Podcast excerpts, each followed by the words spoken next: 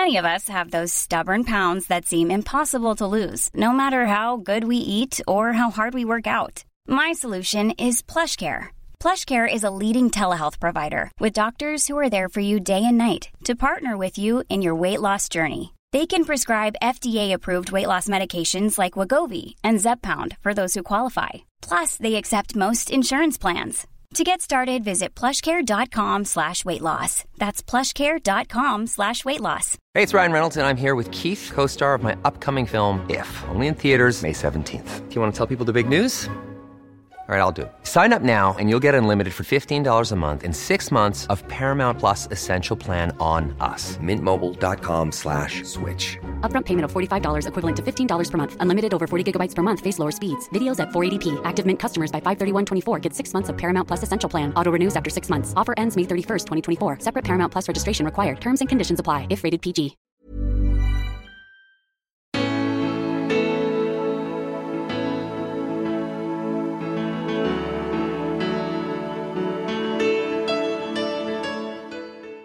2019 har varit ett fantastiskt år för podden Spännande möten.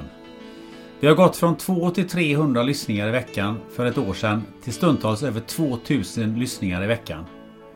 Totalt sett över året så har ni rattat in de här 54 avsnitten en bra bit över 50 000 gånger. Helt otroligt om du frågar mig. Jag vill passa på att tacka dig som lyssnat oavsett om du följt varje avsnitt slaviskt eller kanske bara lyssnat då och då. Och naturligtvis oavsett var du bor, om det är så i Lerum eller Uganda. Yes, det finns faktiskt en lyssning registrerad där. Nästa år så kommer vi satsa ännu hårdare på fler superintressanta gäster och en egen webbsida. Det här året avslutar vi med en liten gästkavalkad med några intressanta utdrag och smarta tips. Här kommer det tur och ordning. Politikern Anna Maria Corazza Bildts åsikt om Storbritanniens Boris Johnson. Föreläsare Aron Andersson om att relatera till sin omgivning. Bryggeriet Poppers grundare Mats Wahlström med tips om vilken öl du ska bjuda på. Friidrottstränaren Yannick Tregaro om Patrik Sjöberg. AI-gurun Amer Mohammed om hur det gick till när han fick jobb på Stena Line. Funktionsläkaren Peter Martin om varför vi bör akta oss för spenat. Löparen och utesovaren Marcus Torgeby hur han träffade sin fru rymddesignern Cecilia Hertz framtidsspaningar. Och slutligen biohacken Martina Johansson om hur du ska välja nyttigaste maten för att klara ditt nyårslöfte.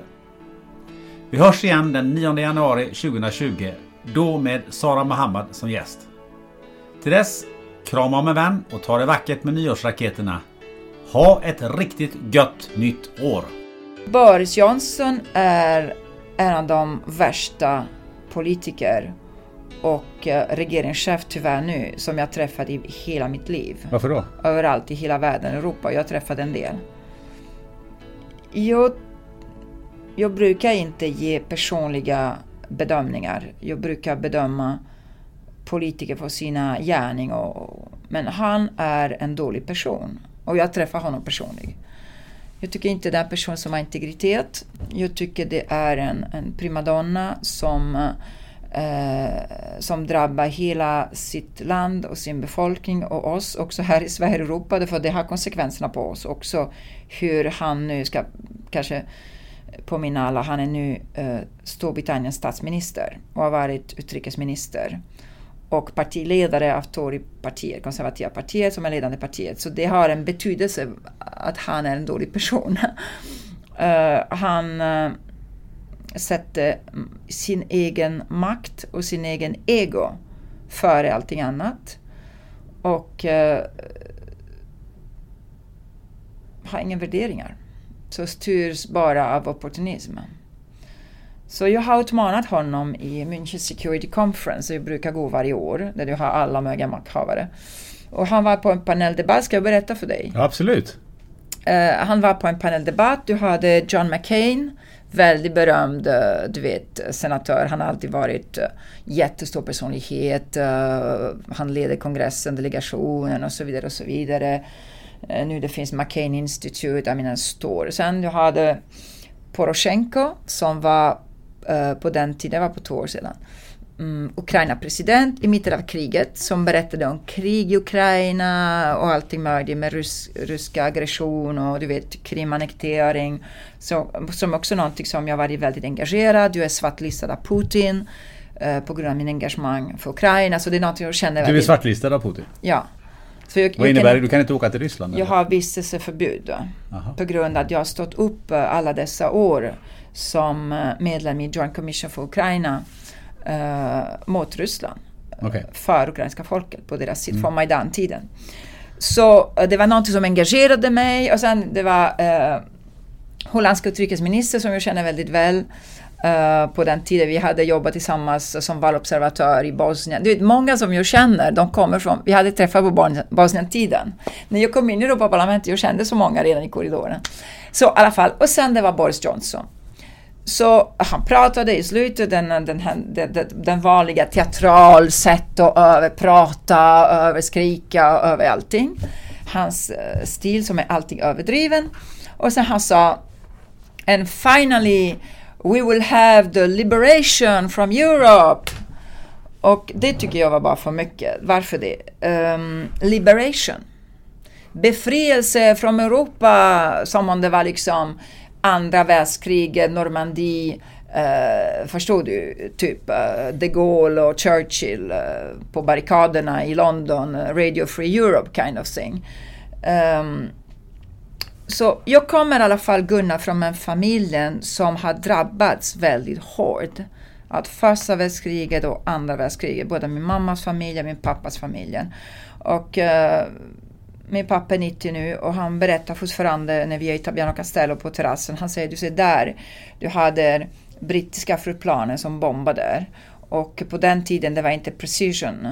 Och de, deras mål var att bryta den här bron. Men det var också flyktingar på väg som drabbades och så vidare. Och så vidare. Och den området har bombats där och där har vi drabbats. Och min, min farmor var liksom röda korsare och i vårt familjehem vi, vi hade alla flyktingar som kom och vi, vi, hostade alla flyktingar och hon eh, och, och de ger inte bara mat men också medical care till alla som var liksom uh, naturligtvis, uh, ja, du kan tänka dig, skadad från kriget. Så det är någonting som är i min familj. Min mamma berättade hur i Rom uh, SS styrkor tagit eh, unga judarna och rekryterade och, och tagit judarna till koncentrationsläger. Du hade människor som eh, simmade svimmade på gator och torget, hur hennes bror flyr från eh, rekrytering. I slutet av kriget rekryterade alla 15-åriga och så vidare.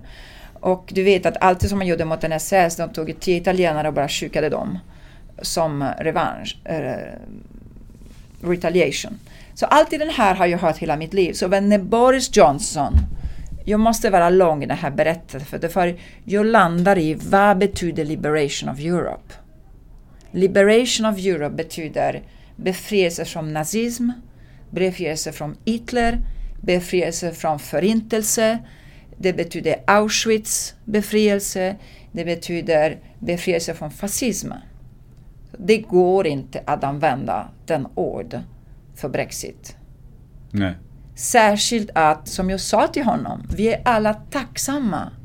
Mina barn ska vara tacksamma till britterna Därför utan britterna och amerikanerna, vår historia skulle vara annorlunda. Vi vet inte vad skulle ha hänt med, med, med Hitler och Stalin och Mussolini och så vidare. Hitler och Stalin mest. Så det vi pratar om. Så jag gick upp på talarstolen, jag gick upp på talarstolen, det var Manchester Security Conference, du får ställa frågor och så vidare. Så jag sa någonting till, eh, där vi kände dem alla, jag sa någonting till McCain, eh, tack för allt du gör för Ukraina, jag sa någonting till Poroshenko och sen jag gick till, eh, jag gick till Boris Johnson och sa, och by the way, the word liberation of Europe has a meaning in our history and it's just bad taste to use it. Och sen, the moment jag sa det, det var liksom applåd! I mean, det, det var 500 personer, det här laddat rum, fem generaler från NATO, alla möjliga utrikesminister, försvarsminister, experterna, ta, ta, ta, ta. Och jag ska aldrig glömma Ed, um, Edward Lucas som är editor of The Economist och han är den absolut främsta Brexit-kännare. Han applåderar. Ah, Maria! Det var en stor applåd. Så det här är min um, encounter med Boris Johnson. Och sen, han naturligtvis reagerade väldigt dåligt. Han tycker, vem är hon? What the hell does she want? Who the hell is she? Och han gick eh, till en hel beskrivning, totalt gett bort sig om uh, vad liberation betyder. Och sen naturligtvis The Guardian hade dagen efter det och alla medier i hela Europa och hela världen. Jag var intervjuad av The Indian Times. det var liksom... och de hade naturligtvis The Oxford Dictionary um, beskrivelse av vad liberation betyder som var 100% på min sida som had, han gett sig bort totalt till den här. Ja, det var en, A long story short. Väldigt, väldigt intressant. Men man ska inte slarva med vår historia av förtryck eh, under andra världskriget eh, och med, med förintelse, med Hitler, med, med allt det här. Kan, man kan inte slarva med den. Ja men det är ju så på något sätt och, och när jag är ute och föreläser pratar jag mycket om tacksamhet. Och, och, det är få saker idag som man ser så mycket så bra forskning på som tacksamhet, hur det skapar oxytocin i kroppen, alla så här bra hormoner och allt vad det nu är. Och, och, och, och, tacksamhet, det är lätt att vara tacksam när livet går bra. Ja men åh, jag har precis haft en ny poddinspelning här, jag har haft massa nya lyssnare, bla bla bla, jag har löneförhöjning, livet är bra, så. Jag är jättetacksam, åh vad tacksam jag är. Det är ju jättelätt. Utmaningen är ju att vara tacksam när livet går åt helvete. Ja, det måste vara oerhört svårt. Och, och, och, och, nyckeln till det i min värld är perspektiv. Och, och, jag lärde mig om det där när jag var liten. Vet jag, jag, vid ett tillfälle när jag fick cellgift så jag och mamma delade rum med en annan pojke och hans mamma. Och för varje gång jag spydde en gång av mina behandlingar så spydde den andra pojken tre. Och jag vet att det kan låta sjukt men alltså det, det gav mig perspektiv. Det fick mig att känna att men, jag har det ändå bra. Det gjorde mig tacksam över min situation. Är det ditt sätt att ge perspektiv också till andra människor som också har hamnat i rullstol och kanske inte har, eh, har riktigt de perspektiven eller det sättet att ta sig ur?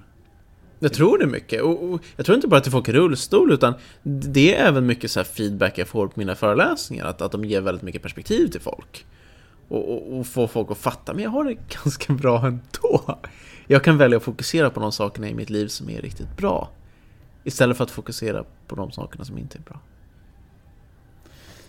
Um, vad har dina föräldrar betytt i uh, hela den här processen, alla de här händelserna? Otroligt mycket. Mamma och pappa är mina största hjältar. Och så här i efterhand, jag fattar nästan inte hur de orkade. Alltså hur, hur pallar man? Du vet, det var jag på sjukhuset, så var det brorsorna och så var det hus och det var jobb och, och lite vänner på det. Och så Hur fixar man det? Alltså jag är så imponerad av dem så det finns inte. Hur hanterar de det här?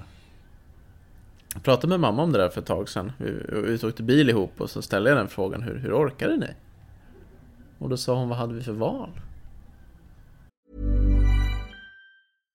One size fits all, seemed like a good idea for clothes. Nice dress. Uh, it's a t-shirt.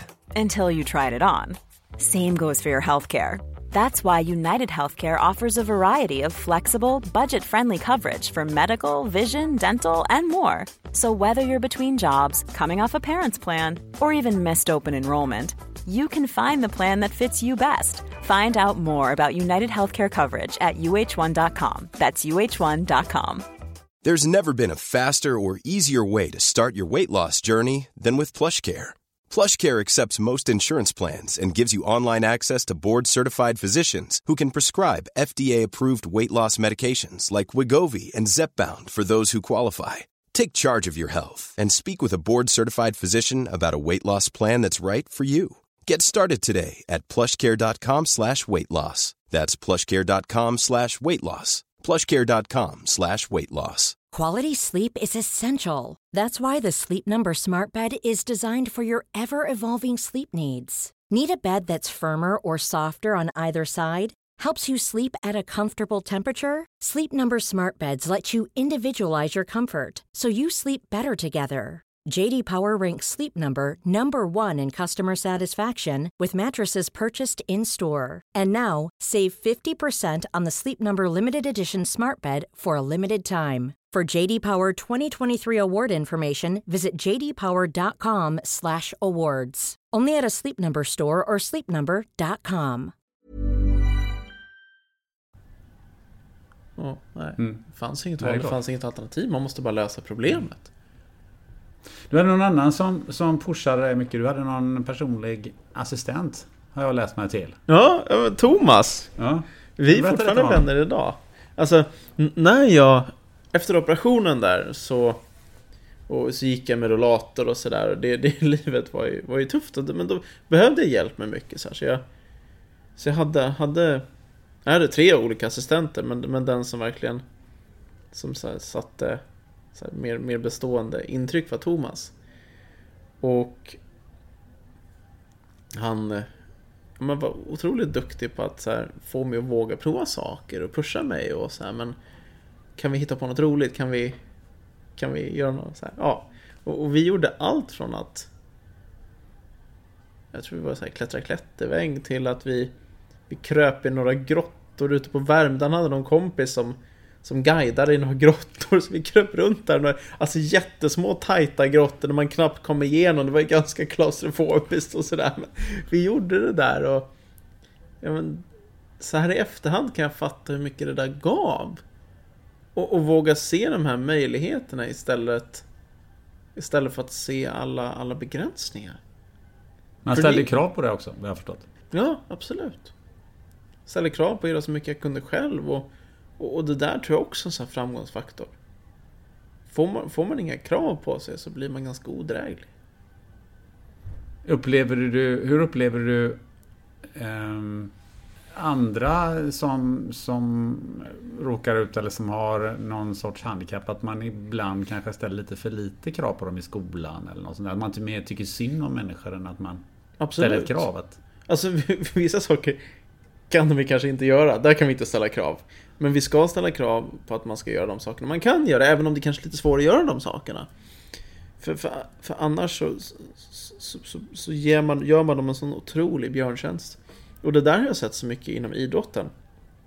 Vi har haft på läger och sånt, så har det varit så här, prova på att att, att så här, ungdomar har fått komma dit och testa typ friidrott eller vad det har varit och, och då är ofta föräldrarna med och, och så ser man typ i matsalen nu så här Föräldrarna går och tar mat till sin unge och grejer och donar och hjälper dem med allt Och, och det där är hopplöst, alltså, det tar ju två år att göra dem till normala människor liksom det låter lite så i skolan också ibland. Ja, ja, det är samma. Och, och det där är den största björntjänst man kan göra någon, speciellt med funktionsnedsättning. Och inte ställa krav. För att de, de blir så curlade och som... De kommer aldrig ta tag i sig själva om man inte vågar ställa krav. Men har du diskuterat det här med eh, andra föräldrar eller med, eh, med lärare eller? eh, Ja? Men det, det händer att, att jag får frågor ifrån, ifrån föräldrar och lärare som är ute och föreläser. Och, och jag säger det, ni måste våga ställa krav. Jag fattar att det är svårt. De här, här grejerna som man gör, gör man ju av kärlek tänker jag. Ja, men jag tar mat och hjälper till av kärlek för att jag vill hjälpa mitt barn. Och, och jättebra, men det blir inget bra. Och som på rullstolar till exempel, jag så, så här, tidigt så, så, så, så här, fick jag jättebra hjälp att hitta en bra rullstol och, och förstå hur den rullstolen skulle vara och hur jag kunde göra med den och, och hade aldrig några tippskydd på den. För på rullstolar kan man ha så här litet stödhjul längst bak så att man inte kan tippa bak helt enkelt. Och det kan vara smidigt innan man har lärt sig balansera på bakhjulen. Men har man det där stödhjulet så, så, så litar man på det. Och till slut så blir man aldrig fri från det. Och det där är så här första grejen, när jag ser så här barn och ungdomar sitter i rullstol och de har de där stödhjulen. Så, så pratar jag med dem och så pratar med föräldrarna, det här måste vi ta bort. För ditt barn måste lära sig bli självständigt. Det kommer de aldrig bli om de har det där stödhjulet. Hur blir reaktionen oftast? Och föräldrarna är ofta ganska skraja. Bara, ah, men tänk om de ramlar bak och slår sig. Jag bara, ja men då får de göra det. Det är ungar som lär sig att cykla slår väl sig också för tusan. Du kan inte säga att du ska cykla med stödhjul resten av livet. Men barnen brukar ofta vara peppade. Bara så, ah, kul, så äntligen. Sådär. Men det, så här, det ligger väldigt, väldigt mycket hos föräldrarna. Så det är klart att barnen är rädda ibland också.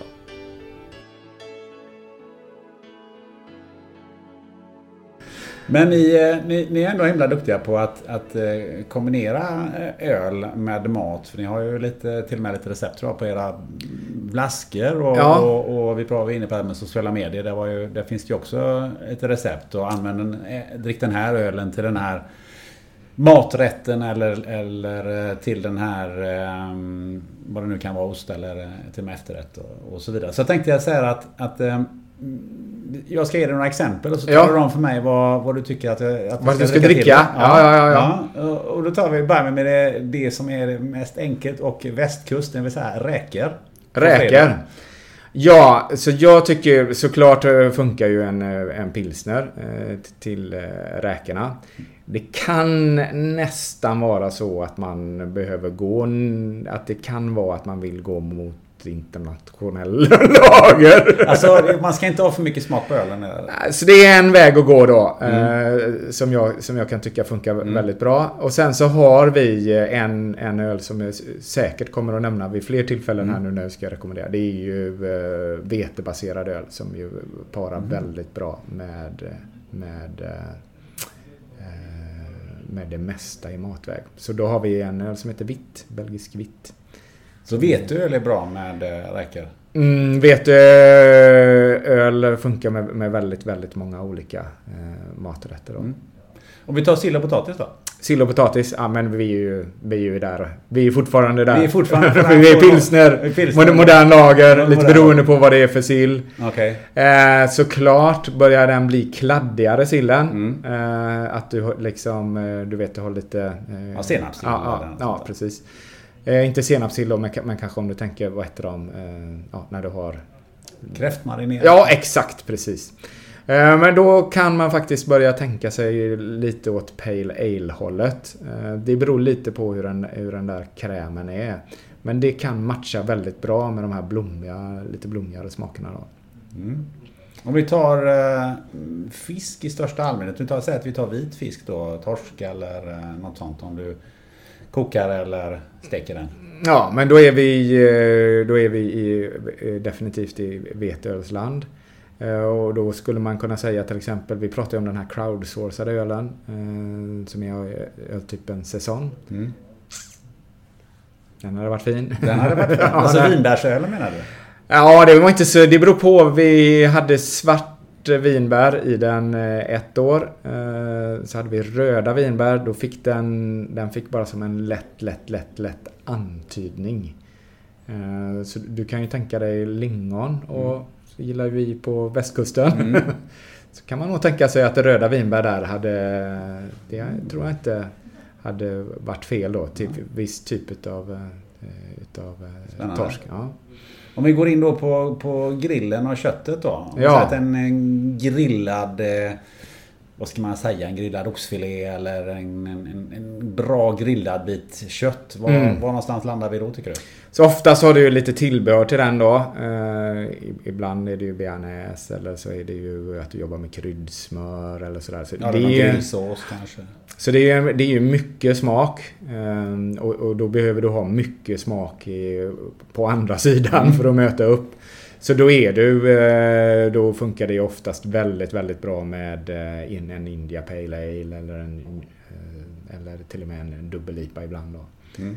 Så lite mer kraftigare smaker, kraftigare ölsmaker också då? Ja, det är ju en, eh, en, en huvudlinje att gå. Du kan ju tänka pilsner, vete, eh, pale ales Mm. och så kan du tänka eh, India double pale ales då. Mm. Och till exempel om du går hela vägen ut mot hamburgare med bacon och dressing, ost och gurka och liksom. Ja, men då, det behövs ju Lite fjongig Ja, men om du vill att det ska möta upp. Eller Mm. så vill du ju... Så kan du ju gå andra vägen och gå pilsnerhållet. Och då vill du ju få någon... Då vill du ju få... Då vill du ju komma åt fräschören. Eh, någonting som lättar upp I allt, det, I allt det feta liksom och i allt det kladdigare. Så man kan gå två vägar? Ja, så det, så det kan du efter, när du har mycket fett så, så kan du gå mot eh, syran helt enkelt i ölen då. Då, då får ju du en lätt upplevelse. Eh, lättar upp. Eh, och så smakar, får du inte så mycket smaktillskott. Så du får ju liksom inte. Mm. Så det går att gå båda vägarna. Sen går vi liksom till eh, det här med efterrätter och jag har ju, vilket ju mina vänner tycker är mycket märkligt, att jag tycker det är väldigt gott med öl till eh, olika sorters kakor eller kaffebröd. Ja! Eh, är det onormalt? det är inte så många som har upptäckt det ännu, men det blir fler och fler som upptäcker det. så det är ju inte onormalt alls. Vad, vad skulle du välja till, eh, till eh, den, alltså sötsaker egentligen kan man ju om man generaliserar lite grann då? Ja, så, så att du, du har, så oftast är du, då är du ju på de mer alkoholstarka. Så såklart att olika typer utav stouts funkar ju väldigt bra. Eh, beroende på vad du har för frukt eh, sådär, så finns det också en ölstil som heter Barley Wine. Eh, som, som är också är runt ofta 10, 11, 12 procent kan man fatlagrad och sådär. Funkar också ofta, oftast jättebra. Vi har till exempel lagrat ett Barley Wine på, på vitvinsfat då. Mm. semisött vitvin. Blir fantastiskt till olika typer av efterrätter. Någonting som jag, min egen upplevelse var den med stout. Jag, jag gillar ju inte den typen av öl mm. överhuvudtaget. Tycker att det, det, det, det, smakar för mycket bränt och sådär. Men, men jag var vid någon sån här eh, ölprovning och så skulle vi då som femte öl prova stout. Jag tänkte ja det blir ju sådär gott. Mm. Och så hade man då en roquefort till. Ja! Och uh, jag Visst. gillar inte roquefort heller. Nej, nej! det är sämst. sämst. Två jättedåliga grejer då tyckte jag. Ah, Okej, okay, ja, då får man väl svälja det med då. Ja. Och, och, men när, när jag provade det, det var en av mina största smakupplevelser, eller sensationer, där jag kände att jag hade ingen aning om att jag skulle få den här typen av upplevelse. Mm. Så det är en klassisk eh, eh, kombination när man verkligen vill eh, överraska folk. Eh, mörk, tung stout och, eh, och eh, rockfordost. En annan som väldigt oväntad är ju porter och ostron. Porter och ostron? Ja, det är också en, en sån klassiker. Ögonöppnare för många. Bara, va, hur, hur funkar det här liksom? Ja, det funkar jättebra. Har du några fler sådana här liksom, överraskningsgrejer? Ja, de eh, sparar vi till restaurangen öppnar helt enkelt. ja, jag vet ju att ni har någon, någon, någon glassöl eller, eller någon Ja, öl, så vi gjorde ju en eh, öl tillsammans med våra kollegor eller våra grannar här. Eh, triumfglass. Eh, så... Eh, så då höll vi på länge och funderade runt humle om man skulle kunna göra någonting med, med den här aromatiska i humlen. Men vi kände till slut att vi ville just jobba med stout. Så vad vi gjorde var att vi gjorde en stout-rippel. Eh, så vi mm. kokade ner eh, stout. Jag tror vi kokade den i 72 timmar. Oj! Så den blev tjock, tjock, tjock. Eh, och sen så... Den kunde man äta med sked? Ja, den kunde man äta med sked. Och så ripplade vi den då i, i vaniljglass. Uh, och den, uh, det blev ju en, en dundersuccé. Mm. Till och med mina döttrar gillar den. Okay. Och det är en ganska vuxen smak. Du får ju mycket bäst. Du får ju liksom en smakbrytning mot den söta vaniljglassen sådär. Som du, du vet ibland när du äter något så känner du att det kittlar lite bak i gommen och du behöver ta en klunk eller tugga till liksom. Då har du ju lyckats som bryggare. ja, Okej, okay, det är måttet. Ja, det är ju ett utav måtten liksom. Mm. Att du, du, det är någonting där som gör att du måste ta en klunk till liksom. Det, och det, den känslan fanns definitivt i den glassen då. Eh, framlockad utav, eh, utav stouten. Du, vi sitter ju här en, en fredag och eh, nu har vi ju gått igenom en del maträtter och, och satt till öl på det. Och jag, innan vi började så hotade jag med att säga nu får du sätta upp en sexrätters här och så får du säga vilken öl vi ska ha. Så att, men jag tycker ändå att vi har, vi har nästan gjort det. Eh, men om vi säger så att någon ska ha, utav lyssnarna ska ha någon, någon eh, ja, men lite folk hemma på, på en lördag. Eh, så kan man ju välja något av de här rätterna och välja till lämplig öl och så vidare. Men vad skulle du säga att man ska ha som välkomstdryck. För oftast är det, ja men då öppnar vi en flaska champagne eller så är det Mm. något sånt. Men man ska ta en välkomstöl. Vad, vad tycker du man ska ha då? Så just nu är ju vi, eh, nu har vi, det finns ju en ölstil som heter suröl. Eh, Mm, vad är det? Ja, då använder man sig utav ja, mjölksyra. Så, och, och skapar en väldigt ty, tydlig syrlig ton. Eh, Och sen så jobbar man mycket med frukt. Eh, Så vi har gjort en sån som vi helt enkelt kallar för eh, Sour Fruit Ale, Strawberry Daiquiri. Mhm. Eh, Så jobbar vi med jordgubb såklart då. Strawberry dak- Daiquiri, vi har lite mynta i den. Och så är den här underbara syran. Väl kyld, mycket mer kyld än vad du skulle vilja ha. Så är det en fantastiskt fräsch upplevelse. Kan du pynta den med en jordgubbe. Eh, eller kanske en limeskiva och en, ett litet myntablad. Eh, Servera som eh, lite mer cocktail-liknande former. Fantastisk entré. Men hur var din relation med Patrik? Bortsett från själva höjdhoppsträningen och det här. Och, och hur, hur har den förändrats till, till det den är idag? Ja men alltså det var ju lite för, jag, alltså jag, jag är evigt tacksam Patrik verkligen att jag, han, han var jätteschysst mot mig alltid. Och mm, jag menar, han måste ju också tyckt det var rätt jobbigt ibland, liksom ha en jävla skitunge hängandes efter sig hela tiden liksom. Hur stor åldersskillnad är det dig? Ja, ja men det är ju ändå, vad fan är det? Han är väl 65 och jag är 78 så att det är många år. Ja, jag är 13 år ja. Ja. ja och just... Eh, eh, mm, men han, han verkligen, jag vet att han också betalade för mig liksom i, i vissa sammanhang och sådär. Liksom, så att, och, och på något sätt så, så tror jag att han trivdes. jag var ju väldigt jag var ju väldigt motiverad som sagt, har alltid varit. Och jag ville ju bli väldigt, väldigt bra. Så att jag liksom, och jag Även om jag var så pass mycket yngre och inte lika bra som dem så gav jag ju allt, alltid. Det fanns ju ingen liksom, jag Och det kanske också kunde vara lite inspirerande att, att jag försökte hänga på jag, var, jag blev ju ganska, jag, jag hoppade ju 2,17 i höjdhopp redan när jag var 18. Så att jag, jag blev ju bättre och bättre på vissa saker. Så var jag ju väldigt så här elastisk och grejer om att hoppa häckhopp eller sådana här övningar som eh, som jag ändå kunde vara med och konkurrera lite grann. Um, men det är klart att jag inte kunde liksom konkurrera med honom i, i, i de eh, åldrarna och vi tränade ju inte jättemycket tillsammans heller. Men, men jag, jag, jag, jag Alltså sen, det, det som hände sen när Viljo dog Då för mig Just det här med de sexuella övergreppen var ju inte någonting som jag um, jag, jag hade ingen ingen koll på om han hade, om han liksom hade förgripit sig på andra eller liksom och jag Jag tyckte inte att jag mådde så dåligt utav det. Um, det är ju också det, Eller det gjorde ju, nej jag, jag gjorde inte det liksom och det är ju någon, det, det är väldigt komplext, jag kan jag behöver inte gå in på det för mycket heller liksom. Uh, men uh, när han dog så var det ju ändå på något sätt skönt också.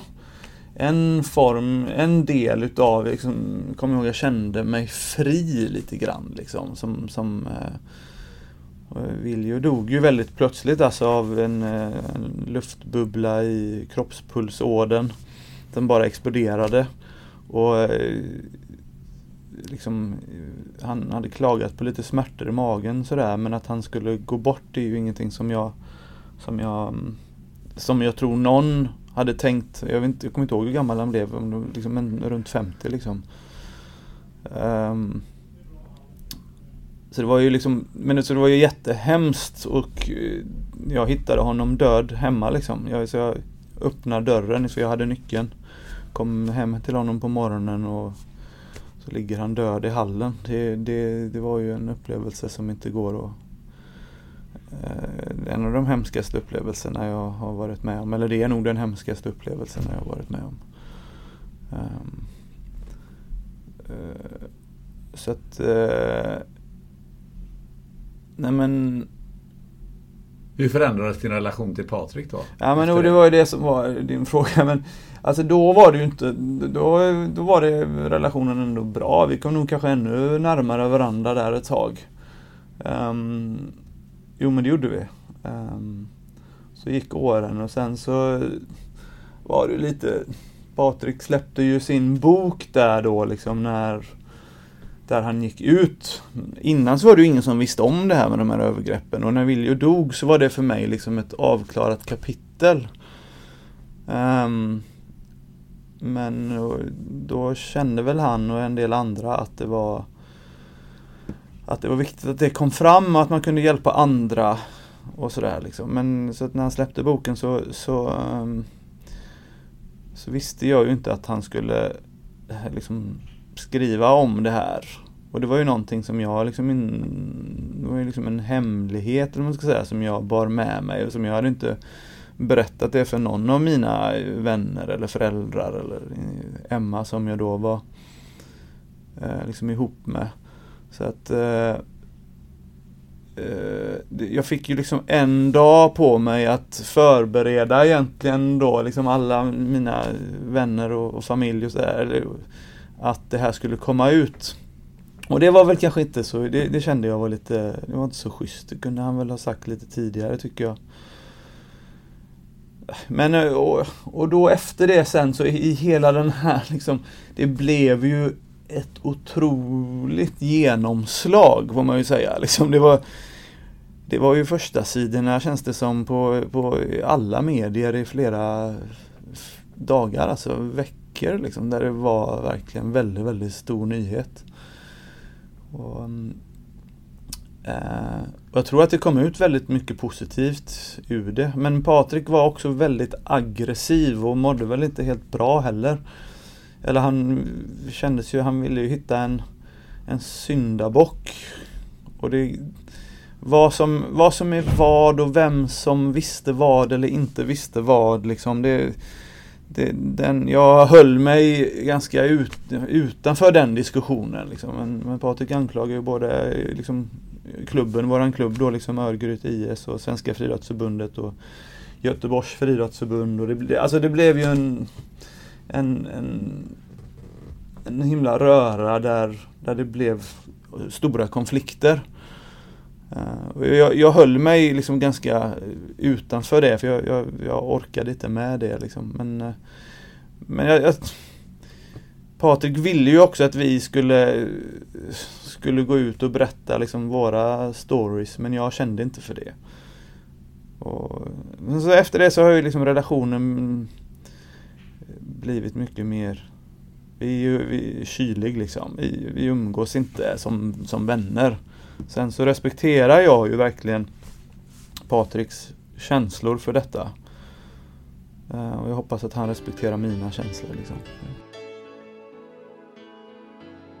Och sen är vi väl framme någonstans i höjd med eh, Stena Line. Ja, precis. Eh, och jag, jag funderar lite så här, alltså att Stena Line då, det är ju då för mig det är ett, ett, ett ett relativt gammalt företag i en eh, väldigt gammal bransch. Mm. Redarmiljöer med eh, bruna teakväggar. Ja. Eh, stora målningar på gamla skeppsredar. ja, det är lite så. Eh, och eh, det känns ju som att där kastar de in handgranat i organisationen.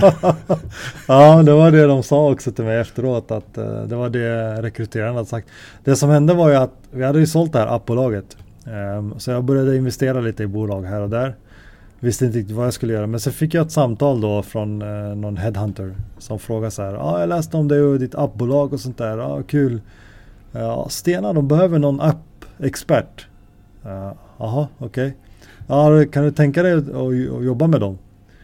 Uh, alltså det, jag har varit entreprenör, aldrig jobbat för någon hela mitt liv fram till den punkten.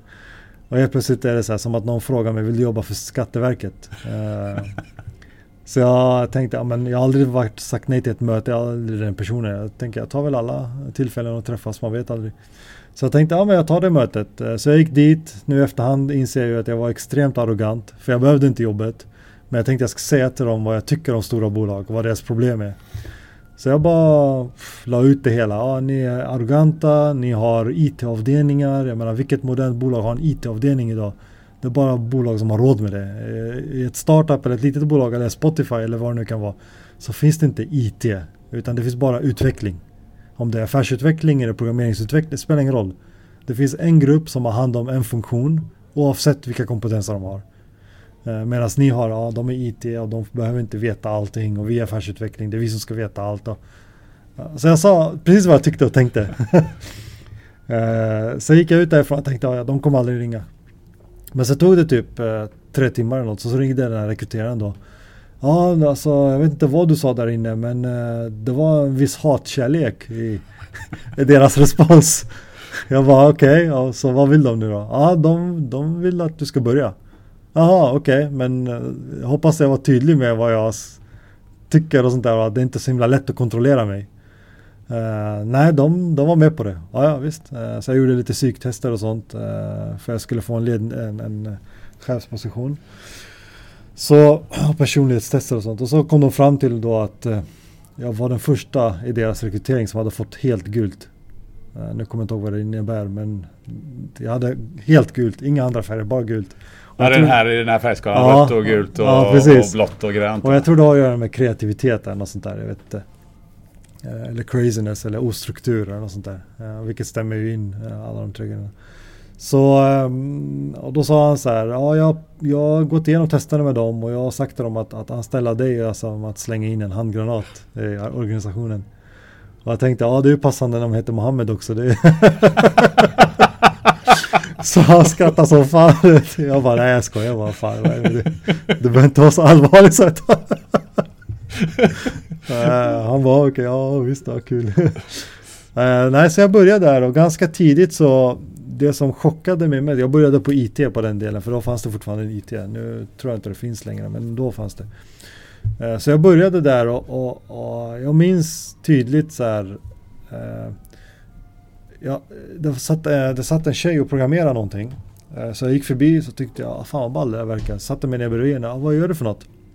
Ja, jag ska, kommer inte ihåg vad det var, men det var någonting med, med en knapp som skulle ändra färg när man gjorde något speciellt. Ja, ah, okej, okay, coolt. Så, ah, och varför ska du göra det för? Ja, ah, men det står här i min tasklist. Ja, ja, jo, visst, men varför? Nej, men det står här. De har sagt att jag ska göra det. Jo men det fattar jag, men vad är problemet? Vad är det du försöker, försöker lösa? Vad hoppas du på för resultat? Ja, jag vet inte. Ah, hur många är det som inte kan hitta knappen nu? Ja, jag vet inte. Okej. Okay. Men du bara sitter här och gör då, eller jag förstår inte. Ja, det är väl det är mitt jobb. Ja, men ditt jobb är väl att ifrågasätta också. Och kanske komma på egna nya lösningar. Du har ju kunskap som inte de har. De måste ju tala om för dig vad problemet är, inte vad du ska göra. Det löser väl du själv. Nej, det, de har sagt till mig att göra det här. Och då blev jag så här helt paff. För det första så kunde jag inte fatta att ett bolag, jag menar i ett startup så vet man allt. Alla vet allt. Vi har inte råd med någon som inte vet hur bra sidan konverterar eller hur många är det som startar upp en app och inte trycker på login eller hur många är det som trycker på login men sen stänger ner. Vi vet allt. För vi har inte råd att inte veta. Hur kan ett bolag som omsätter 12,5 miljard inte veta? Jag blev helt fascinerad. Jag tänkte fan om ni hade vetat då hade ni gjort 120 miljarder. Så jag blev så helt chockad.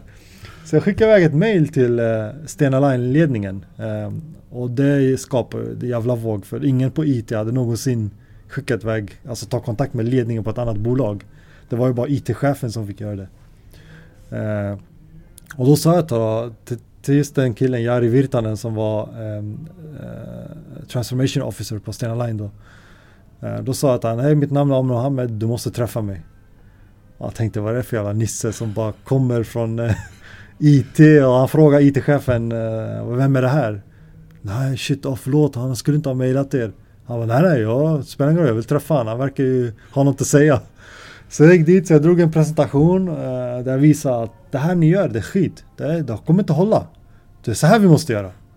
Och han satt där med hakan i golvet. Han förstod inte hur han skulle reagera. han tyckte så här, och han berättade efterhand, han berättade den här historien hela tiden. Han, han säger så här, ja men alltså det han säger är vettigt. Men han är så jävla kaxig och skäller ut mig. Så jag förstår inte. Men samtidigt så har han ju visat mig hur det ska göras och det verkar vettigt. Så han visste inte hur han skulle reagera riktigt. Så, så på den vägen är det. Så fick jag in en fot där och sen eh, började folk höra mitt namn i huset och sånt där.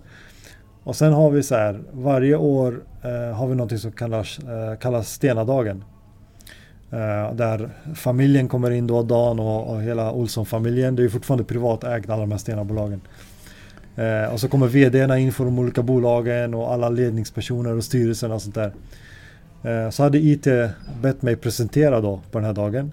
Eh, för att IT hade alltid alltså, hamnat i skymundan. Men det här året skulle IT få presentera och då visste de att eh, i och med att de hade sett och hört förut att jag är en duktig presentatör Eh, så bad de mig presentera. Och då sa jag, ja visst du kan göra det. Så jag visade vad jag skulle presentera och då sa IT-chefen, nej men det där kan du inte säga. Nej det får du inte. Och så censurerade han presentationen då och sa det här får du visa. Ja, ja visst. Men sen på presentationsdagen så gick jag i backstage och så bytte jag ut dem till originalpresentationen. Så jag tänkte fuck it, antingen får jag sparken eller så, så blir det bra. Och det jag gjorde då, Eh, det här var ju tre år sedan och för tre år sedan då fanns det ju inte de här buzzwordsen som eh, digitalisering, AI, machine learning och allt det där. Man började prata om big data för tre år sedan. Det var typ det man eh, brukade prata om. Att man ska ha mycket data och mycket data är bra. Men det är ingen som förklarar vad det skulle vara till för. Men jag, i och med att jag är nörd så läser jag mycket varje dag. Jag läser typ 40 artiklar om dagen. Det är allt från doktorandpublikationer Eh, patentansökningar till vanliga artiklar på Techcrunch och Forbes och alla de här Wired och allt det där. Så redan då så började jag förstå att ja, men det, här, det här med AI det verkar vara någonting som kommer bli viktigt och det här var tre år sedan. Så, jag, så i min presentation då ville jag göra en bold statement. Så det jag gjorde var att jag tog fram eh, ett koncept som jag kallar Pluto. Eh, och då sa jag att Pluto är vårt AI och det kommer styra hela Stena inom tio år. Och det var det han inte ville att jag skulle säga då. För ingen har hört talas om ordet AI. Ingen vet ens vad det är för något, hur det fungerar eller hur man gör för att lyckas med det du precis har påstått att vi ska göra. Men jag tänkte att men fan vi har tio år på oss, det löser sig. Um, så då sa jag så här, jag hade tagit fram en film och jag hade gjort en animation och animationen var helt fejkad. Jag hade påstått att ja, det här är data som crunchas just nu i realtid.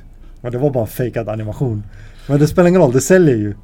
Eh, så jag lanserade det här Pluto och så kom det film och så är det massa neuroner som krockar med varandra och så skapas det. Det ser ut som en hjärna. Så bara, det här är Pluto om tio år. Den här, den, här, den här dagen måste ni komma ihåg. För om tio år så kommer det vara den här entiteten som styr alla bolag. Och det blev helt jävla tyst i, i salen. Och så ser man IT-chefen, han tar sig glasögonen och så tittar ner så jag vet inte vad han bara vill, man ser hur han vill sjunka ner. Och så ställer, så går det där, det känns som det tog typ tre minuter men det tog kanske tre sekunder. Så ställer sig Dan upp, som är Dan Sten Olsson, ägaren av hela imperiet. Och så börjar han applådera. Det. Och jag menar om Gudfadern applåderar då måste ju alla andra också göra det. Så alla ställer sig upp och så applåderar. Äh, fan vad bra och vad häftigt och vad är det här för något? Och, jag vet inte men vi löser det. Det är tio år på oss. uh, och sen på den vägen är det. Så nu efter det, då fick jag erbjudandet från Stena Line då att börja hos dem som innovationschef. Um, och jag tog det jobbet uh, och så la vi ett budskap att 2021 så ska Stena Line vara helt assisterat av artificiell intelligens. Uh, och det som man skrattade åt för tre år sedan är ju verklighet idag. Så idag till exempel har Stena Line en Head of AI och det är det enda rederiet i världen som har det vi är och liksom pressar, Jag kan se det som att vi faktiskt börjar förstå en del medicinska saker. Så jag tycker det är otroligt intressant. Hade jag inte haft så mycket annat att göra så hade jag forskat på detta. För att det här, det här tror jag är ett, ett folkhälsoproblem. Så jag tycker, du som lyssnar nu, skärp öronen nu. Liksom, för det här kan påverka dig och din familj faktiskt, så som jag ser det. Det är att den stora avvikelsen och återigen när man har det evolutionära perspektivet så har vi allting vi har ätit, även när vi har ätit växterna i naturen, så har alltid varit i säsong. Vi har inte alltid kunnat äta en viss växt. Så det finns en artikel skriven som heter Lost Seasonality. Lost Seasonality på engelska börjar den med av en kvinna som heter Sally K. Norton. Och den går ut på att eh, nu för tiden så har vi en global eh, matproduktion och vi kan äta nästan vad som helst året runt. I våra butiker här, i alla fall i västvärlden. Och det gör vi också. Så vi eh, äter till exempel jättemycket spenat. Jag har patienter som gör spenatsmoothie varje morgon, kanske med lite hallon och nötter i och så. Det är bara att det där har vi aldrig kunnat göra förut. Och det kunde ju varit bra och det kan hända att det är nyttigt med spenatsmoothie någon gång ibland. Men att äta det varje dag eller varje vecka, det kan få följande konsekvenser. Att oxalsyra och salater som finns mycket i spenat, det finns jättemycket i det, mycket mer än kroppen kan ta hand om. Så säg att din kropp kan ta hand om 100 mg oxalater på en dag. Och då ta hand om menar jag att det tas upp i blodomloppet och så kissar du ut det. För du vill inte ha det, du har ingen nytta av oxalater i kroppen, tvärtom. Om du gör en spenatsmoothie, då kan det vara 1000 mg oxalater där i. Och kroppen kan ju inte kissa ut det. Vad gör den? Den lagrar upp det. Och hur lagrar den upp det? Ja, I form av små kristaller och binder till kalcium och andra mineraler i kroppen. Och Det här kan lagras upp i kroppens alla vävnader, för oxalsyra är väldigt liten. Så den kan ta sig runt i hela, hela kroppen. Då. Så folk kan få egentligen symptom från alla system. Men vanligt är ju att man kan få muskelvärk. Tänk att du har små kristaller upplagrade i muskler och sånt. Ledvärk. Eh, du kan få eh, liksom grus i ögonen av det, för att det är irriterat i ögonen. Du kan få att du måste kissa ofta. Och en sak, om du skulle se att du har grumlig urin, du som lyssnar på detta, om urinen är inte klar, den är grumlig, eller ibland är den grumlig och så. Det kan vara oxalater som är på väg ut ur kroppen då.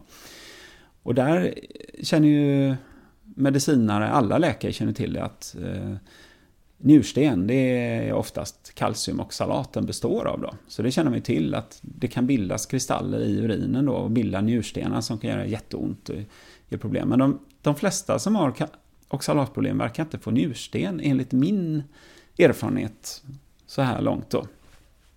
Men eh, kan man, om man slutar att äta den typen av föda, kan man så, att säga, så småningom bli av med de här oxalaterna? Eller ligger de där forever? Nej, de ligger inte där forever, men problemet är att många har ju liksom gått åt fel håll i, på en stig i skogen kan man säga i kanske i rätt många år. Och lagrat upp dem. Och det, det är ju kristaller och de, de försvinner inte på några veckor så här, utan det här kan ta eh, alltså månader till år och bli av med dem. Och man kan ju förstås må bättre under, under tiden då. Eh, men det är otroligt intressant för då kan det vara så här om du slutar äta, säg att du har gjort spenatsmoothies varje dag i tre år som en del av mina patienter har gjort. Och en del har jag sett, de gjorde spenatsmoothies i tre månader, sen blir de akut sjuka. Och det finns andra exempel där folk har ätit spenatsmoothies och njurarna har lagt av. Och sånt finns det forskningsartiklar om då. Eh, så då, om man slutar med att få in oxalaten i kroppen, tvärt, då verkar det vara så här att kroppen känner att det finns inte oxalater i blodet nu. Och då dumpar han ut det från vävnaderna och det kan bli väldigt häftigt. Så det finns ju eh, patientrapporter där man tror att de, de, har fått åka till akuten alltså, för det blir en metabol kris av detta. Eftersom det dumpas ut så mycket av detta på en gång då. Eh, så det här, är, det här är liksom en egen liten gren av den vården vi bedriver nu. Men du vet, alla patienter jag har på återbesök nu, för det är framförallt senaste halvåret, året, jag har jobbat mycket med det här. Och det är helt galet, alltså det här handlar om hälften av de som kommer till mig. Och de som kommer till mig, de är ju inte, de flesta är ju utmattade, har någon autoimmun sjukdom, olika former av värk och hjärndimma och allt möjligt sånt. Massa olika symptom. Men de eh, de, eh, de provar ju nu att sänka oxalatintaget. Då. Och vi har inte sagt så mycket vad det finns i mer, för det, det är viktigt för dig som lyssnar. Liksom. Vad är det de finns i då? Spenat, mangold, jättemycket. Uh, nötter, de flesta nötter finns det jättemycket oxalater i. Är, Även jordnötter? Jordnötter, ja. Mandlar. Många som, Eh, många som äter hälsomedvetet drabbas av detta. För de tänker att jag ska äta glutenfritt och bakar de istället på mandelmjöl. Och så istället för gluten äter de bovete och quinoa är massa oxalater i. Eh, de äter inte potatis som det i och för sig är oxalater i, men de äter sötpotatis som det är ännu mer oxalater i. I potatischips finns det massor med oxalater. Eh, bönor, soja, tofu, Så det är ju väldigt mycket veganmat så finns det oxalater i. Och det här, det här är ingenting man behöver bli sjuk av eh, eh, om man äter det en månad eller några månader. Men vissa kan bli sjukare snabbare än andra, för vissa har problem med sin mag-tarmkanal, man kan säga på svenska läckande tarm då. Och då finns det forskning som visar att de kan ta upp mellan tre och fem gånger mer av oxalaterna ur kosten. Så det är inte så att det drabbar lika heller. Så eh, hela grejen är kanske att man ska tänka efter vad som hade funnits i säsong. Och tyvärr så vet ju inte folk det längre. Vi vet ju inte när åt man nötter förr i tiden. Ja, man åt ju hasselnötter till jul. Det gjorde jag i alla fall när jag var liten. Gjorde inte du? Eh, men jag insåg också att om jag fortsätter med det livet som jag gör i skogen så kommer jag nog ha svårt att komma tillbaka. Så, så tänkte jag ju. Men det är ganska snabbt marscherat efter två månader. Ja, så... ja visst. Ja, men, så, men sen så jag bodde ju kvar ytterligare ett halvår och Frida gick ju på HDK då, designskolan. Sådär. Eh, och sen så...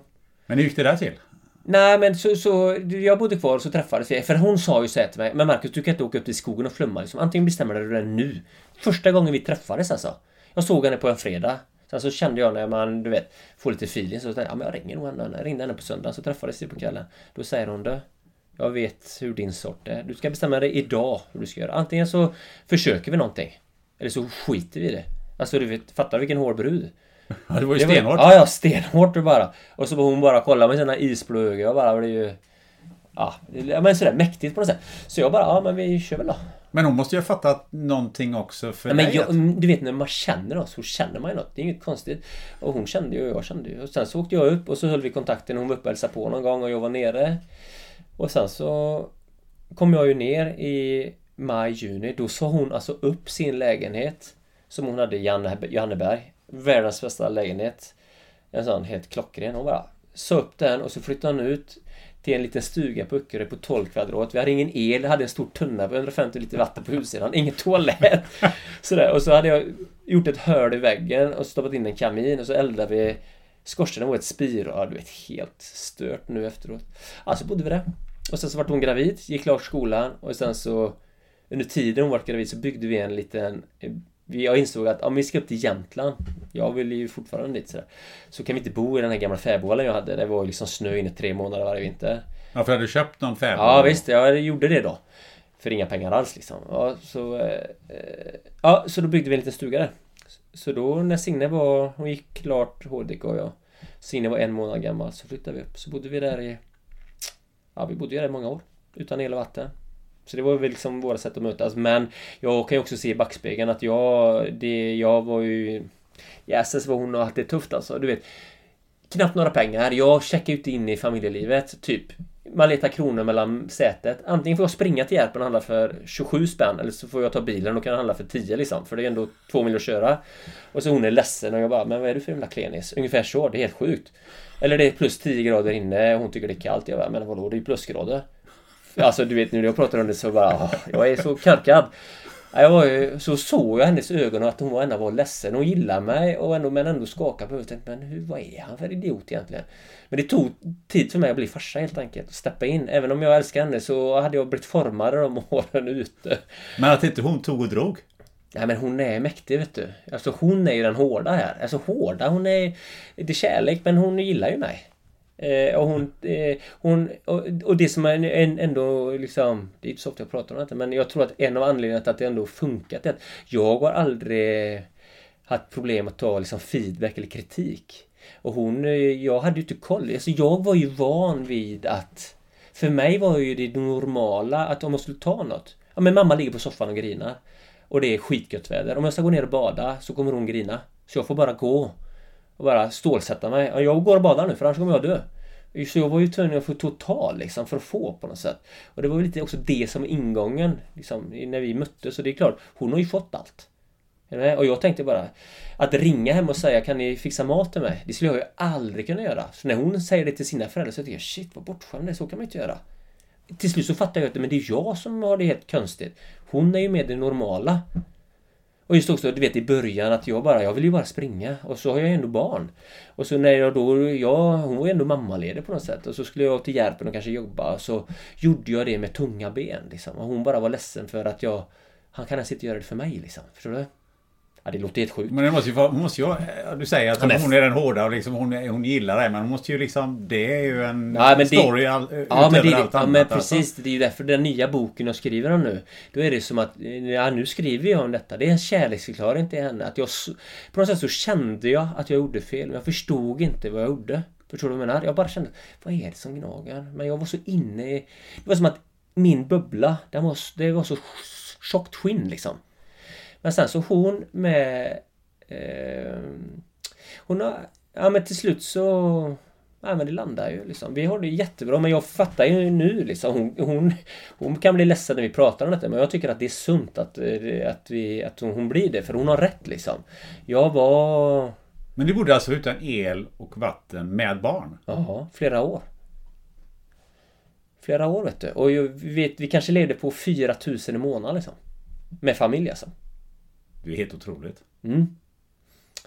Och sen så vet jag att, eh, ja, och så då, så, så tänkte jag bara, så, så vi har ju pratat om detta, vi levde ju sjukt enkelt alltså. Och det är helt okej. men då måste man leva det på, på samma nivå. Det var som att vi gjorde inte det.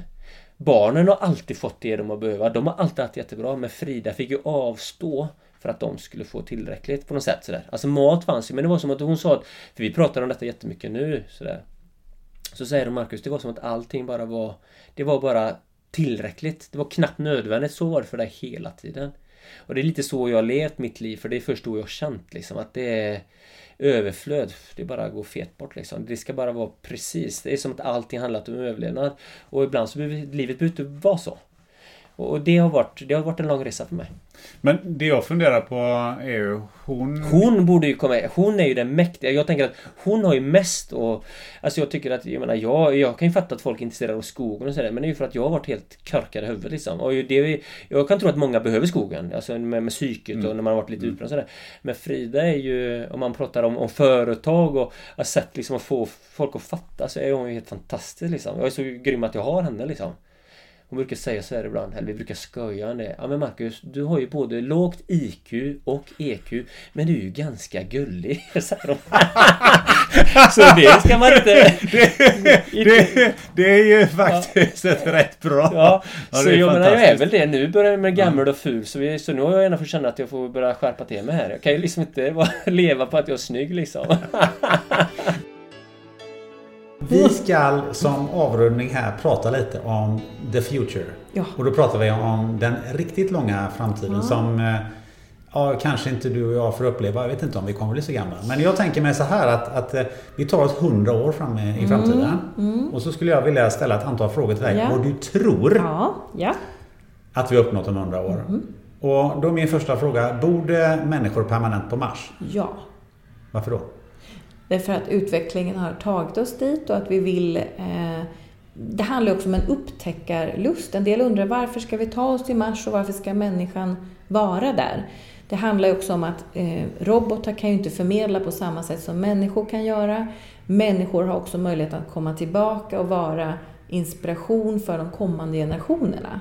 Så därför eh, tror jag att vi har åstadkommit detta. Men det är bara forskare som bor där? Eller bor det liksom människor där för att nu bosätter vi oss på Mars Eh. istället för i Göteborg? Om hundra år, ja Göteborg är i och för sig en trevlig stad. Men eh, Det kan ju vara översvämmat, vad vet jag? ja, precis, precis. Det kan det vara om man inte har satt upp mina Seascrapers i tid. Det får vi väl diskutera. Just det. Men om vi tar oss ännu längre ut. Har vi satt Ja. en människa på Jupiter? Ehm, Just Jupiter vet jag väl inte om, om vi ska ta oss till. Nej, Eh, vad Men jag tror, att man har, jag tror man har rest eh, man har rest betydligt eh, bortanför för Mars, men kanske mer i farkoster, men inte för att, att etablera permanenta boenden. Nej, men jag tänker, har vi landat en människa på Jupiter? Eh, nej, det tror jag inte. Varför inte? Är bara mer en känsla. Det är för långt bort. ja, jag skulle tro det. Mm. Är det någon annan himlakropp som har, förutom Mars, som vi har landat en människa på? Eh, nej, det tror jag inte. Nej. Utan jag tror, 100 år, då är det nog mer rimligt att tänka så. Kommer vi upplevt en eh, allvarlig krock med en meteorit? Eh, nej, det tror jag inte. Varför tror du inte det?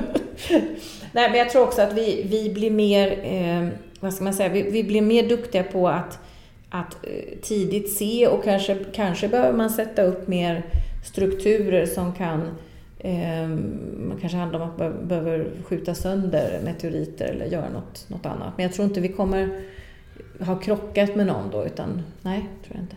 Nej, Trump har tagit fram sin atombomb och Uff. skjutit den den Ja, vägen istället. För han skulle ju, han skulle ju bomba eh, eh, orkanen nu så att... Eh, Ja, vi, ja, stickspår. Ja. Eh, du, men eh, vi har haft i den här podden har det varit en AI-visionär som heter Amer Mohammed.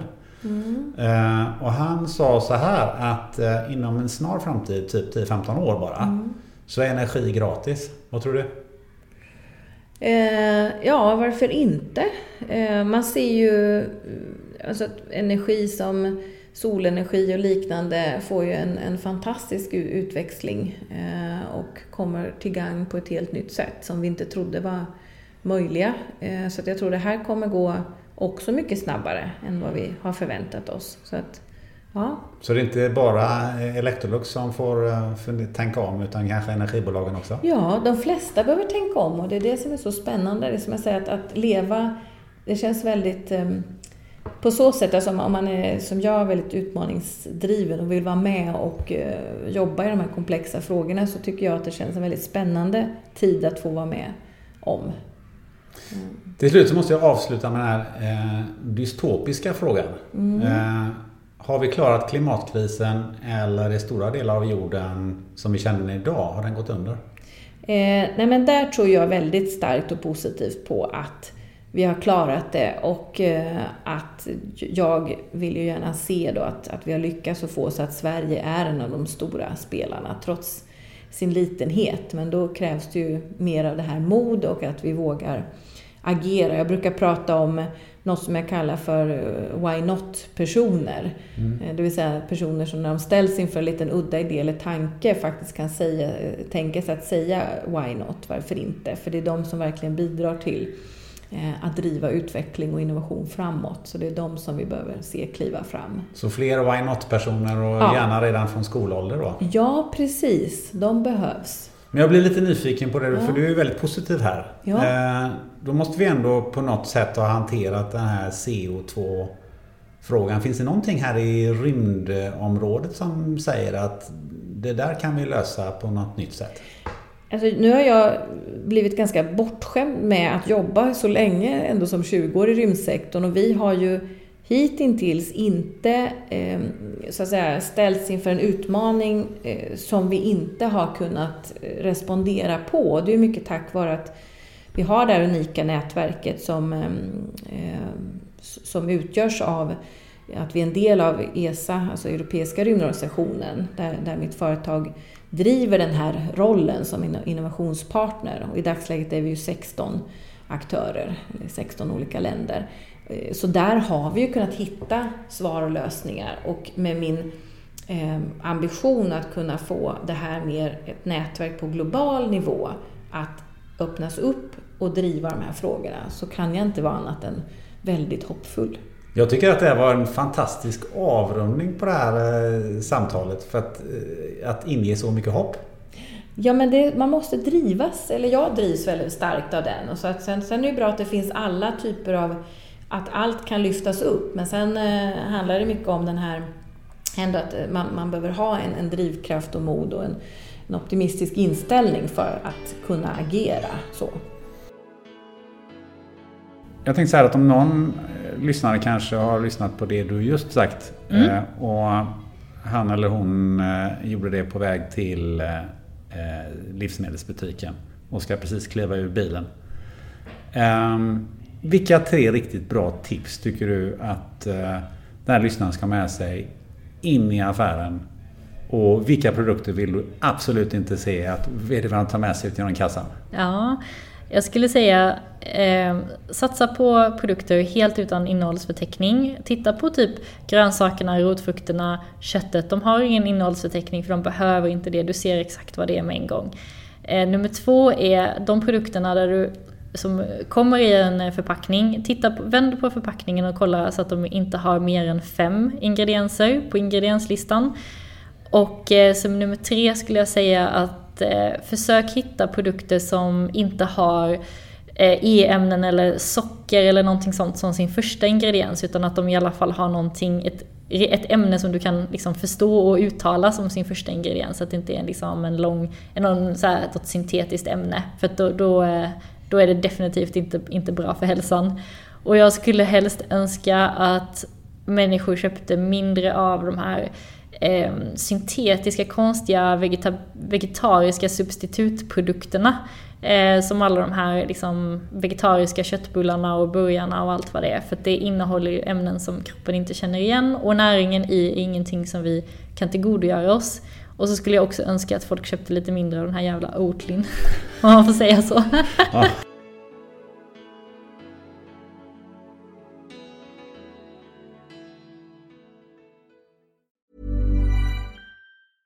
Even when we're on a budget we still deserve nice things. Quince is a place to scoop up stunning high-end goods for 50 to 80% less than similar brands. They have buttery soft cashmere sweaters starting at $50, luxurious Italian leather bags, and so much more. Plus, Quince only works with factories that use safe, ethical, and responsible manufacturing. Get the high-end goods you'll love without the high price tag with Quince. Go to quince.com/style for free shipping and 365-day returns. Ever catch yourself eating the same flavorless dinner three days in a row? Dreaming of something better? Well, HelloFresh is your guilt-free dream come true, baby. It's me, Gigi Palmer. Let's wake up those taste buds with hot, juicy pecan-crusted chicken or garlic butter shrimp scampi. Mm. Hello Fresh. Stop dreaming of all the delicious possibilities and dig in at HelloFresh.com. Let's get this dinner party started.